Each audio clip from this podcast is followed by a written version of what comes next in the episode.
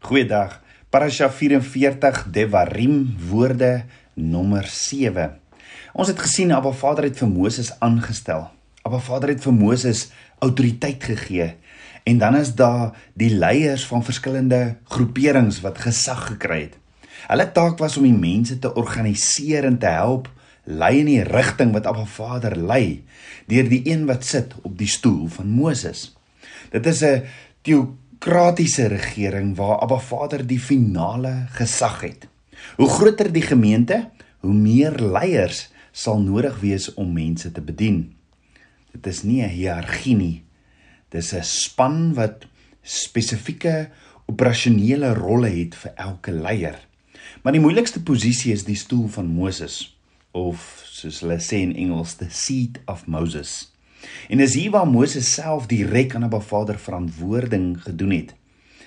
Die stoel van Moses het die uitvoerende autoriteit om die kinders van Israel volgens die Torah te lei, asook in Torah te onderrig en volgens Torah te oordeel met betrekking tot beslissings en om dan sodoende uitspraak te lewer. Die kennis en leiding is deur Abba Vader aan Moses gegee en hierdie gesagsposisie staan bekend as die stoel van Moses. Moses is dus die heenwysing of afbeelding van wat leierskap behels en hoe dit moet funksioneer in die liggaam van Yeshua of in die gemeente. Let wel, Moses is ook 'n heenwysing na Yeshua wat as koning en hoëpriester sal regeer.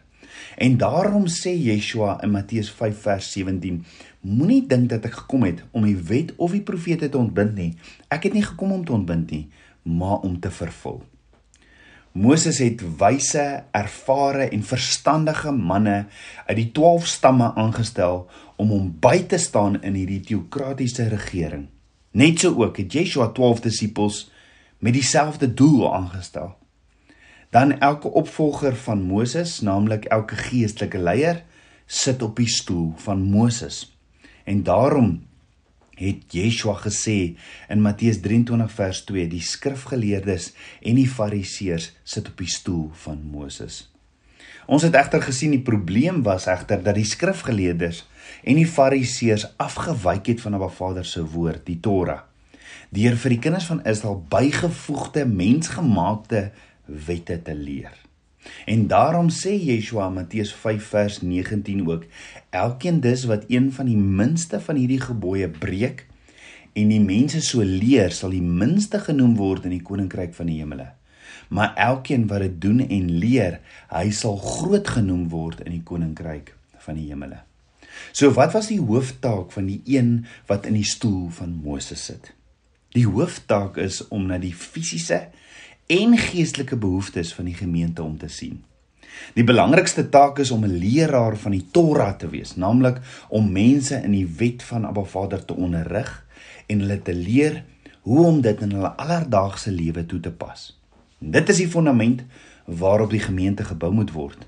En 1 Korintiërs 3 vers 11 sê, want niemand kan 'n ander fondament fondament lê as wat deur gelê is nie deur Yeshua Messie. Yeshua is die Torah.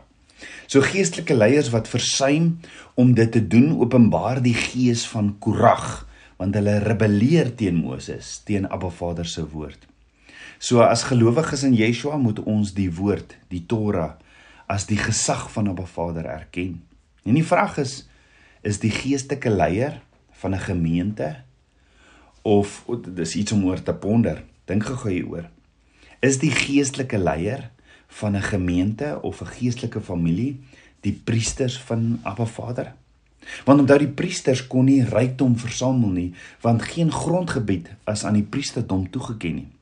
So die vraag is, is die geestelike leier vandag die priesters wat deur die gemeente onderhou moet word?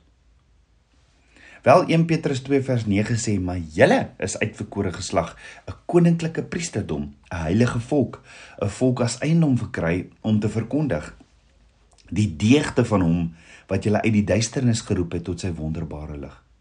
Met ander woorde ons is almal priesters. So dink daaroor. Hoekom het die disippels of apostels het hulle ooit tiendes ontvang? Hoekom het hulle nooit tiendes ontvang nie? Hoekom het hulle die mense nooit geleer om hulle tiendes aan hulle te gee nie? Het dit dalk iets te doen met die feit dat daar steeds 'n tempel was? In Matteus 23 vers 23 sê Yeshua: "Wie julle skrifgeleerdes en fariseërs gefeindes gefeinsdes, want julle gee tiendes van kruisement en anys en koriander en die swaarste van die wet laat julle na, die reg en die barmhartigheid en die trou." Hierdie dinge behoort julle te doen sonder om die ander na te laat. Die punt is die bevolking het nie vir die stamhoofde van Israel hulle tiendes gegee nie. Maar meer daaroor in die volgende 2 weke. So wat was die hooftaak van die geestelike leiers dan? Hulle taak was ook om na die fisiese en geestelike behoeftes van die gemeente om te sien. En Efesiërs 4 vers 8 staan: Toe hy Yeshua opgevaar het in die hoogte, het hy die gevangenes gevange geneem en die gawes aan die mense gegee. En dan sê Efesiërs 4 vers 11 en hy het gegee sommige as apostels, ander as profete, ander as evangeliste en ander as ander as herders en leraars. Hoekom het Yeshua hierdie gawes gegee? Efesiërs 4 vers 12 antwoord ons om die heiliges toe te rus vir hulle dienswerk. Hoekom het die heiliges nodig om toegerus te wees vir hulle dienswerk? Efesiërs 4 vers 12 sê tot opbouing van die liggaam van Yeshua HaMashiach. Paulus sê Yeshua homself het hierdie gawes gegee. Let wel, ons ken al die gawes van Ruach, die Heilige Gees, maar hierdie wat Paulus hier noem, is nie die gawes van Ruach HaKodes, die Heilige Gees nie, maar die gawes wat Yeshua vir ons gegee het. So, hoe kan ek en jy dan vandag toegerus wees vir dienswerk tot opbouing van die liggaam van Yeshua. Hoe kan ek en jy vandag toegerus wees as geestelike leiers vir die dienswerk tot die opbouing van die liggaam van Yeshua? Maar Vader leer ons drie dinge in sy woord. Nommer 1 om beskikbaar te wees. Maar Vader het nie mense nodig met vermoë nie. Nee. Maar Vader is op soek na kinders van hom wat beskikbaar is omdat hulle lief is vir hom. Hoekom? Want sien, Abba Vader het al die vermoëns in die wêreld en uit die wêreld. Daarom hoef ek en jy nie na iemand anders te kyk en sê, "Maar ek het nie hom of haar vermoëns nie." Dis oukei. Okay. Jy hoef nie daardie vermoëns te hê nie. Nee, Abba Vader vra of ons beskikbaar sal wees. Hoor wat sê Paulus in 2 Timoteus 2 vers 2 vir Timoteus.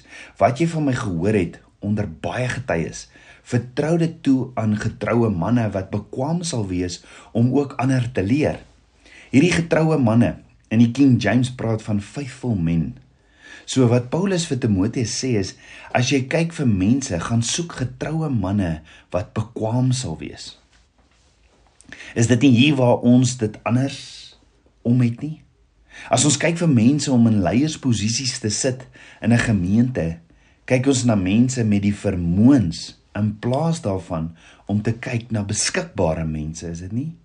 Ons kyk vir mense met die vermoëns en dan hoop ons hulle sal getrou wees. En Abba Vader sê nee. Kry vir my 'n beskikbare, getroue persoon en ek sal hom die vermoëns gee. Let wel baie belangrik, 'n getroue, beskikbare persoon is nie 'n persoon met wat nie foute het nie. Nee. Ons almal het wat wat beskikbaar is vir Abba Vader se dienswerk het foute. Maar wat Vader sê in Spreuke 24 vers 16, die regverdige val 7 maal, maar staan weer op. So die woord sê nie 'n regverdige man val nooit nie. Nie 'n regverdige persoon wat nooit val nie, sal 'n perfekte mens wees en daar was net een perfekte mens gewees en dit was Yeshua. Jy sien 'n getroue, faithful persoon word beskou as iemand wat as hy val, staan hy weer op. So hoekom moet ons beskikbaar wees om toegerus te wees? Hoor wat sê Efesiërs 4 vers 14, sodat ons nie meer kinders sou wees wat soos golwe geslinger en heen en weer gedryf word deur elke wind van lering, deur die bedriegery van die mense, deur die sleeheid van 'n listigheid tot dwaaling te bring, maar terwyl ons in liefde die waarheid betrag, in alles sou opgroei in hom wat die hoof is, naamlik Christus. Met ander woorde, baie eenvoudig, die rede hoekom ons nie op opgegroei is in Yeshua nie is omdat ons onsself nooit beskikbaar stel om toegerus te word nie. Dis hier waar baie mense dan verskonings maak en sê, "Ja, maar die ekonomie of ek moet werk om brood op die tafel te sit, hoor." Of ek is net te besig by die werk oor om beskikbaar te wees. Of ek weet ek is geroep, maar ek gaan nie nou beskikbaar wees vir dit nie, want ek is meer geroep vir die stoel van Moses. Tabernakels kind van Abba. Al is jy geroep vir die stoel van Moses, hoor wat vra die disippels vir Yeshua in Matteus 18 vers 1. Wees tog die grootste in die koninkryk van die hemele. Toe roep Yeshua 'n kindjie na hom en laat hom in hulle midde staan en Yeshua sê Matteus 18 vers 3: "Voorwaar ek sê vir julle, as julle nie verander en soos die kindertjies word nie, sal julle nooit in die koninkryk van die hemele ingaan nie. En elkeen dan wat homself verneder, soos hierdie kindjie, hy is die grootste in die koninkryk van die hemele." Die punt is daar's so baie verskonings van ek is net te besig om enige dienste op hierdie stadium te doen en Abba Vader leer my dis hoekom daar so baie van sy kinders onvolwasse kinders bly. So hoe kan ek toegerus wees vir dienswerk tot opbouing van die liggaam van Yeshua? Abba Vader leer ons 3 dinge in sy woord. Nommer 1 is om beskikbaar te wees. Nommer 2 om 'n diensknegt te wees.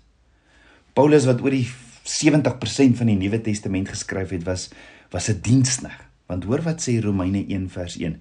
Paulus 'n dienskneg van Jesus Christus. Ook staan daar in Filippense 1 vers 1 Paulus en Timoteus diensknegte van Jesus Christus.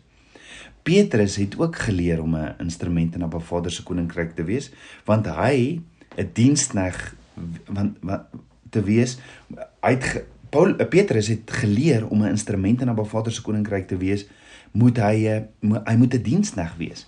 Want in 2 Petrus 1 vers 1 sê Simeon Petrus 'n dienskneg en apostel van Jesus Christus. So almal wat Abba Vader in sy gewoord eh, sy woord gebruik het op hierdie stoel van Moses as hy die instrument in sy hande om sy woord te verkondig of selfs almal wat hy gebruik het as instrument in sy hande of hy nou 'n apostel, 'n profeet, 'n evangelis, 'n herder of 'n leraar was, was 'n dienskneg. Almal, Paulus, Timoteus, Petrus en Jakobus skroom nie om te sê hulle eerste kwalifikasie om die woord van Abba Vader te te verkondig en te skryf nie is ek is 'n dienskneg in die liggaam van Yeshua. So hoor gehou vir my en jou om gebruik te word in die koninkryk van Abba Vader begin by my en jou diensbaarheid. Ek meen, is dit nie wat Yeshua die disippels die heeltyd probeer leer het nie? Want in Markus 9 vers 33 staan en hy Yeshua het in Kapernaum gekom en toe hy in die huis was, vra hy hulle, "Wat het julle op die pad met mekaar geredeneer?" Maar hulle het stil gebly want hulle het op die pad met mekaar gepraat oor wie die grootste is. Dan sê vers 35: En toe hy gaan sit het, roep hy die 12 en sê vir hulle: As iemand die eerste wil wees, moet hy die laaste van almal en almal se dienaar wees. Met ander woorde, by wie kan ons leer beter leer om 'n diensknegt te wees as by Yeshua? Want hoor wat sê Yeshua in Matteus 20 vers 28: Soos die seun van die mens nie gekom het om gedien te word nie, maar om te dien en sy lewe te gee as 'n losprys vir baie. Met ander woorde, as jy kragtig wil gebruik word as 'n instrument in Abba Vader se koninkryk, begin dit by my en jou diensbare harte.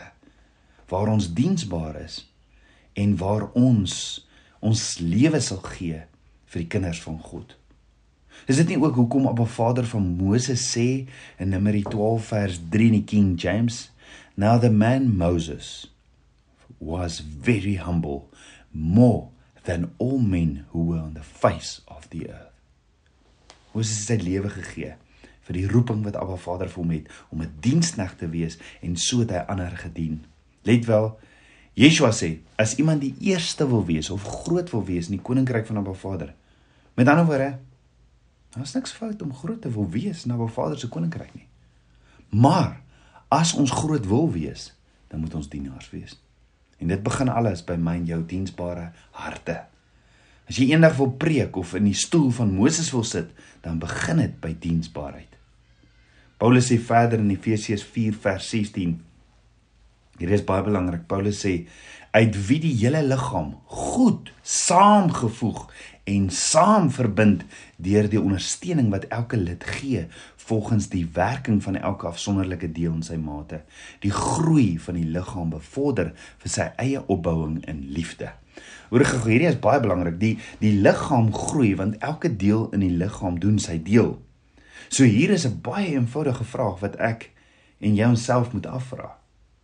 Doen ek en jy ons deel in die liggaam van Yeshua?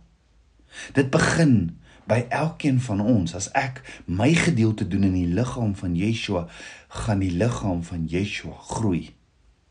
Hier praat ons nie van meer nommers in die liggaam nie. Nee. Hier praat ons van die liggaam wat groei geestelik. Nou Vader leer ons verder in Efesiërs 4 vers 16. In plaas daarvan dat elkeen sy eie ding doen, daar waar die hand die liggaam verlaat en sy eie werke gaan doen, sê Abba Vader, nee, dit kan nie so werk nie. Word deel van die liggaam.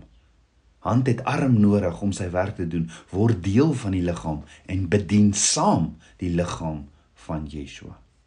En dan weet ons in 1 Korintiërs 12 leer Paulus die lede in die liggaam wat jy actually nie kan sien nie. Hulle is die mees belangrikste in die liggaam van Yeshua. Want ons is een liggaam en elkeen het 'n rol. En daarom is dit belangrik vir my en jou om diensknegte te wees en plek te soek waar ek en jy kan begin om diensbaar te wees in die koninkryk van Abba Vader. En dan moet ons verantwoordelikheid kan vat vir daardie daardie area. So hoe kan ek toegerus wees vir dienswerk tot opbouing van die liggaam van Yeshua? Abba Vader leer ons 3 dinge in sy woord. Nommer 1 is om beskikbaar te wees. Nommer 2 is om 'n diensknegt te wees en nommer 3 om 'n dienaar te wees. Paulus sê in 2 Korintiërs 3 vers 5 tot 6: Nie dat ons uit onsself bekwam is om iets uit onsself te bedink nie, maar ons bekwaamheid is uit God. Want ons wat ons ook bekwam gemaak het as dienaars van 'n Nuwe Testament, nie van die letter nie, maar van die Gees, want die letter maak dood, maar die Gees maak lewend. Met ander woorde, ons bekwaamheid is uit Abba Vader wat ons ook bekwam gemaak het as dienaars. En ek dink iets wat ons verkeerd verstaan in die liggaam van Yeshua is voltydse bediening. Ek dink eerder aan voltydse bedienaars as beroepsbedienaars want ons almal is voltydse bedienaars, is dit nie? Ons moet reg wees om te bedien, maar waar ook al ons gaan, by die werk, by die huis, waar ook al ek en jy gaan, moet ons gereed wees om te kan bedien want ons is almal mos voltydse bedienaars in Yeshua. En die verwarring het ingekom met beroepsbedienaars en daaroor soos gesê gaan ons later praat. Die manier hoe die liggaam van Yeshua die woord na die uithoeke van die wêreld toe gaan vat, is deur die heiliges toe te rus om bediening te doen. Dink gou hieroor. Hoe bereik Abba Vader mense wat verlore is? Die antwoord is deur my en jou wat bereid en beskikbaar is, deur my en jou wat 'n dienskneg is, deur my en jou wat dien, wat dienaars in sy koninkryk is.